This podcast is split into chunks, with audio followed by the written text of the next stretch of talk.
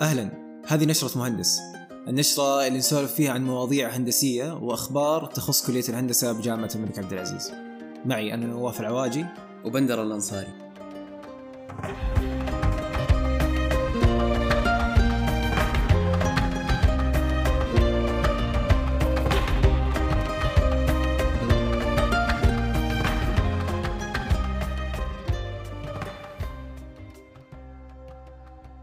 في البداية ودنا نشكركم على تفاعلكم على الحلقة الأولى وآرائكم الإيجابية وبإذن الله نعدكم بالأفضل بالفعل كان التفاعل جدا كبير على الحلقة الأولى وفي إشادات كبيرة تحصلنا عليها وفي المقابل آه وصل وصلتنا الكثير من خلينا نقول الانتقادات البناءة وإن شاء الله يعني نعمل عليها ووضعناها في الحسبان وبإذن الله الحلقات الجاية تكون أفضل وأفضل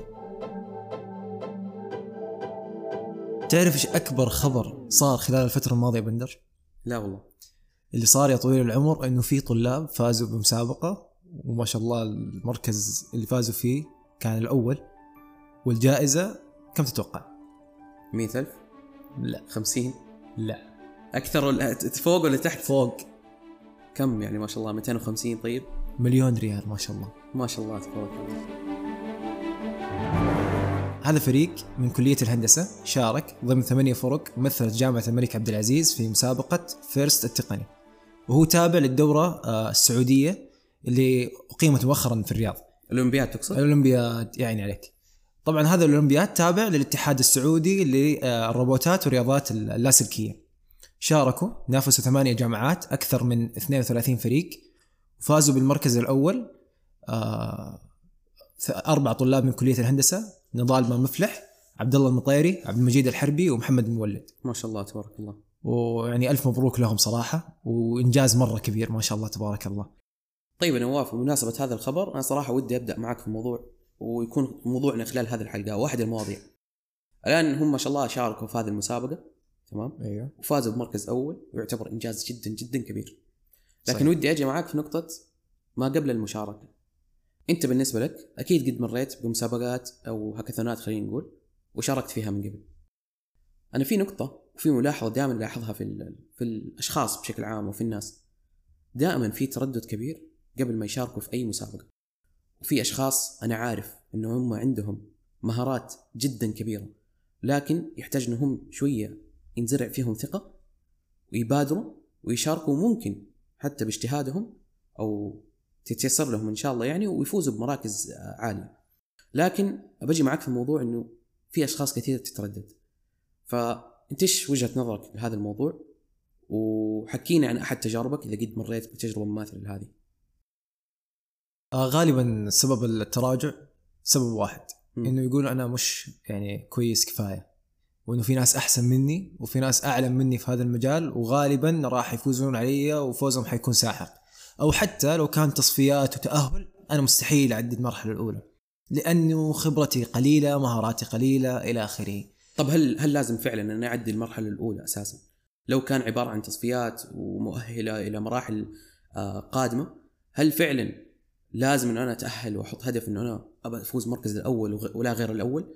ولا ممكن مثلا أشارك بغرض المشاركة؟ شوف دائما في البدايات أول تجاربك غالبا أو يفضل خلينا نقول من وجهة نظري مم. إنه تشارك هدفك اللي هو الفوز القريب، إيش غالبا حيكون الفوز الأقرب لك؟ إنه لو كان في تأهل إنك تتأهل على الأقل مم. للمرحلة الأولى، أوكي هذا هدفك وتبدأ تشتغل على هذا الأساس. ممكن تتأهل وممكن ما تتأهل، لكن 100% راح يتغير حاجة، في شيء حتستفيد منه، في شيء حتكسبه خلال هذه التجربة. فهذا الشيء لازم يعني تحطه في بالك تماما. التجارب هذه وغالبا أصلا هذه التجارب تكون تجارب جماعية، دائما فرق. دائما أنت ما أنت لحالك. فغالبا معك فريق وغالبا إذا هذا الفريق تم تأسيسه بشكل جيد إنه راح يكملون بعض. لما يكملون بعض الثقة تقوى والإصرار يقوى والطموح يعلى. فعلا أتفق معك وهذا الشيء لاحظته من مشاركتي معك صراحة في أحد المسابقات وكنت محظوظ الحمد لله انك انت يعني اخترتني من ضمن الفريق. الله يسلمك. آه الله يسعدك. و- وفزنا الحمد لله بالمركز الأول. فأنا ودي صراحة أنقل الموضوع لك وأبغاك تتكلم عن المسابقة هذه اللي إحنا شاركنا فيها وفزنا فيها بالمركز الأول. وتربط النقاط اللي أنت ذكرتها قبل شيء موضوع الفريق موضوع الانتصارات ال- الفوز القريب هذا. فودي تحكيني تجربتك أو تجربتنا إحنا لكن. بصوتك أنت.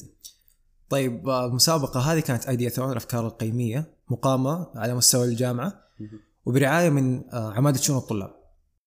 جاني رابط التسجيل قرأت عن المسابقة للأمانة ما كنت فاهم إيش الأفكار القيمية إيش كلمة قيمية هذه غريبة إيه. الكلمة قيمية ولا قيمية ولا هي, هي الظاهر إنها قيمية إيه. بس أنا من يومها كنت أقرأها قيمية ف لا فعلا كلشت إنه كنا أنا نختار. قيمة فهي من كلمة قيمة غالبا إيه هي جاي من قيمة بلا شك يعني آه لما اخترت الفريق قلت أوكي مين في ناس يعني أظن إنهم حيتناسبون مع مجال هذه المسابقة المسابقة كان بكل بساطة إنه تمسك إحدى القيم وتنشئ على أساسها آه، مبادرة تحفز الناس إنهم آه، يتمسكون بالقيمة هذه أو يعني يعني يطبقونها خلينا نقول. أو مثلا إنهم يتركون عادة. آه، فكانت الفكرة حق المسابقة كلها مجرد أفكار. ما في كان ما كان في شيء تطبيق واقعي. عشان كذا اسمه ايدياثون أساسا. أيوه فأنت تحتاج ناس بس يفكرون. فكر وحول أفكارك هذه لكلام مكتوب وشخص متم... يعني متميز في الإلقاء يطرح الفكرة هذه على الجمهور وشكرا. ما كان يحتاج يعني آه، أشياء تقنية زي الهاكاثونات ومدري إيش. فكنت أحتاج ناس يعني يفكرون يعني عندهم تفكير إبداعي خلينا تفكير. إبداعي أحسنت. ممتاز. وبالفعل شاركنا آه، أنا وأنت وصالح آه، النهدي وإبراهيم الغلييني وعلي العيدروس. آه، كان فريق هندسي بحت كل واحد من تخصص في الهندسة. وشاركنا والحمد لله كان على مدى يومين وفزنا بالمركز الأول من ضمن 22 فريق وأكثر من 100 مشارك. فكانت تجربة حلوة وشاركنا لأجل المشاركة. الهدف أكيد دائما هو هدف الهدف الفوز. هذا هدف يعني ما حنكذب على بعض فيه أكيد أيوه. أي فريق حيشارك يبغى يفوز. حيكون هدفه إنه هو يبغى يفوز. أكيد طبعا. ولكن ممكن نيجي في نقطة إنه مو ضروري يعني لو ما طلعت بالفوز مثلا إيش ممكن تطلع فيه؟ بأشياء كثيرة. اولها العلاقات اللي ممكن تكونها أثناء المسابقة في ناس آه، متمكنين في جوانب ناس عندهم آه، آه، يعني مهتمين بجوانب أنت حسيت إنك مهتم فيها مثلا لنفترض إنك شاركت في مسابقة تقنية.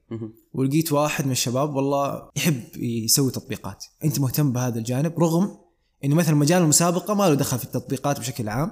لكنك عرفت هذا الآدمي وعرفت إنه يعني عرفت مجال هو مهتم فيه أيوه. وأنت عندك اهتمام إنك أنت مثلا تتعرف على هذا المجال بشكل أكبر أكثر. بالذات من شخص مثلا في نفس عمرك أو قريب من عمرك أو شخص ممكن يفيدك بشكل مباشر في هذا الموضوع. بالضبط. فأنت هنا كونت علاقة في جانب آه يعني أنت مهتم فيه. آه وممكن تحسن هذا الجانب فيك عبر هذه العلاقة وغيرها. قيس على ذلك ايا كان نوع العلاقات اللي ممكن تستفيدها. ممكن أحيانا تلاقي فرصة تدريب. يعني جيت انت لقيت إنه الشركة أو المنظمة اللي سوت المسابقة هذه تقدم فرص تدريبية إيوه عندهم. ممكن تقدم لك فرصه تدريبية بشكل أو بآخر. فيصير عندك مثلا تواصل مباشر مع أحد المسؤولين الموجودين. بالضبط بالضبط. طريقه سهلة توصل له بشكل أكبر. بالضبط. ف يعني المكاسب كثيرة. وطبعا طبعا طبعا أثناء أي تجربة أي مسابقة 100% أنت حتتعلم حاجة جديدة. أكيد يعني. أنا الشيء اللي تعلمته آه، في مسابقة ثانية وهذا بجيك في السالفة. بس تعلمت مثلا آه، مرة إنه الرسم الهندسي آه، شوي يعني فقهت فيه خلينا نقول أكثر. وعرفت أشياء أكثر عن الطباعة ثلاثيه الأبعاد.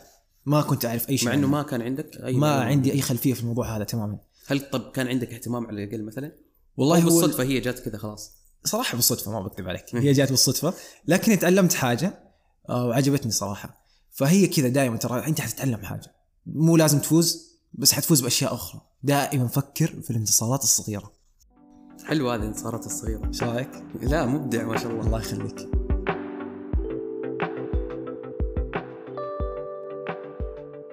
طيب يا بندر بما إنك سألتني السؤال الأول وسولفنا في موضوع الهاكاثونات والمشاركه فيها أنا ودي يعني أسولف أو أسألك سؤال ونمسك هذا المحور ونسولف فيه ما تبقى من الحلقة هذه.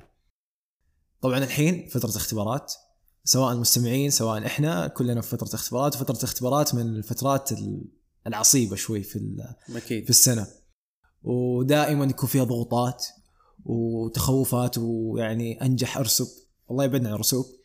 لكن عندي سؤال مرة مهم يمت للاختبارات بصلة. اللي هو كيف أستعد للاختبار؟ كيف أذاكر؟ كيف يعني حتى أهدي نفسي وأثناء الاختبار وغيره. يعني أنا أعرفك من الثانوي وما شاء الله في الثانوي كنت يعني الأول أتوقع كنت على المدرسة. الحمد لله. فما شاء الله عليك يعني متفوق ويعني مجتهد من وقت من يومك يعني يا بندر. فأنا يعني ودي أعرف بندر كيف استعد للاختبارات؟ طيب آه موضوع صراحة جميل وجدا مهم. آه ودي نبدأ باتفاق. قبل ما نخوض في كل النصائح اللي ممكن نسمعها أيوه ودي نتفق اتفاق كذا مع بعض. وحتى. مع المستمعين نتفق كذا اتفاق. اللي هو؟ اللي هو إنه المذاكرة والدراسة بشكل عام شيء يتطلب جهد شيء ثقيل على النفس.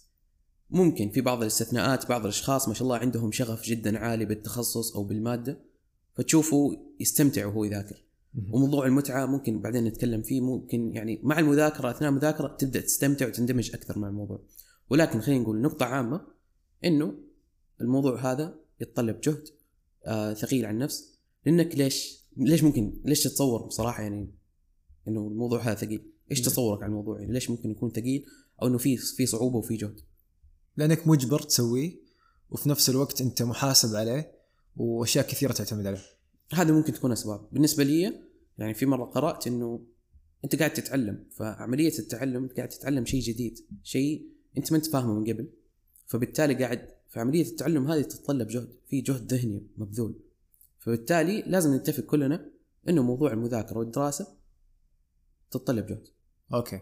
طيب الشيء. السؤال الآن بما يخص الجهد هذا هل أقدر أقسم الجهد هذا على فترة طويلة؟ يعني إيش أسلوبك اللي أنت تعتمده؟ هل أنت من الناس اللي تقسم الجهد على ال term كامل فيصير من أول بأول بأول تبدأ تذاكر ولا من الناس اللي ليله الاختبار تبدأ تحط الجهد كله على راسك وتبدأ؟ بسم الله.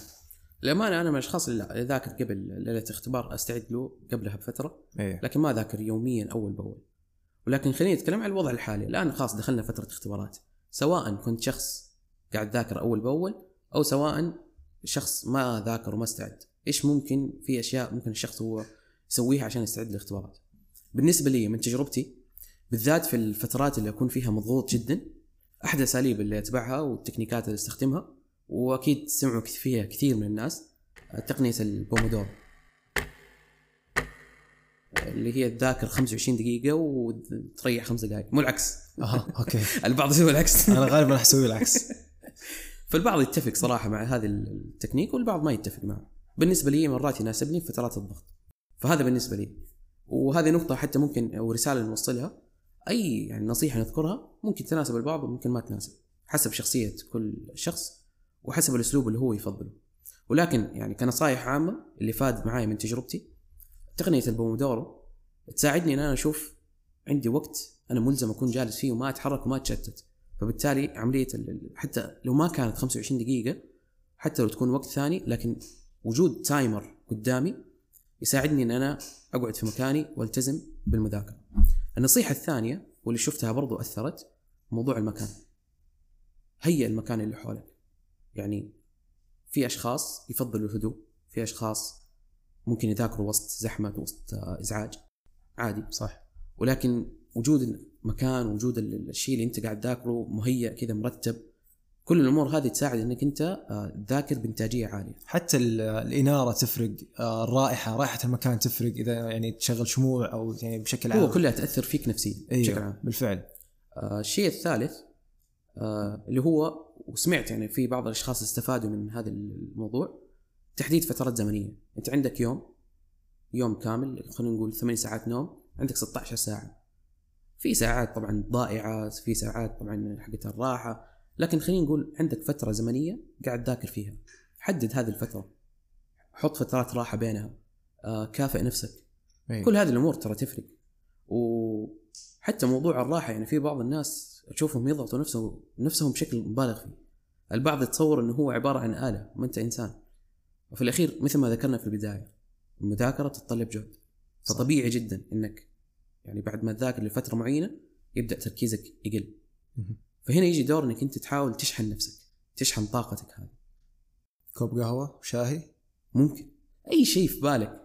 ممكن إنك أنت ته- تهيئ فيه المكان تحط جنبك مكسرات تاخذ شيء معاك تشرب. صح. بس إنك تجلس جلسة كذا تروق فيها. الله يعطيك العافية بندر. الله يعافيك. شكرا لاستماعكم. لا تنسوا تشاركونا آراءكم واقتراحاتكم على حسابنا في منصة إكس هذه كانت الحلقة الثانية من نشرة مهندس فكرة وإخراج أحمد الغامدي. نلقاكم على خير.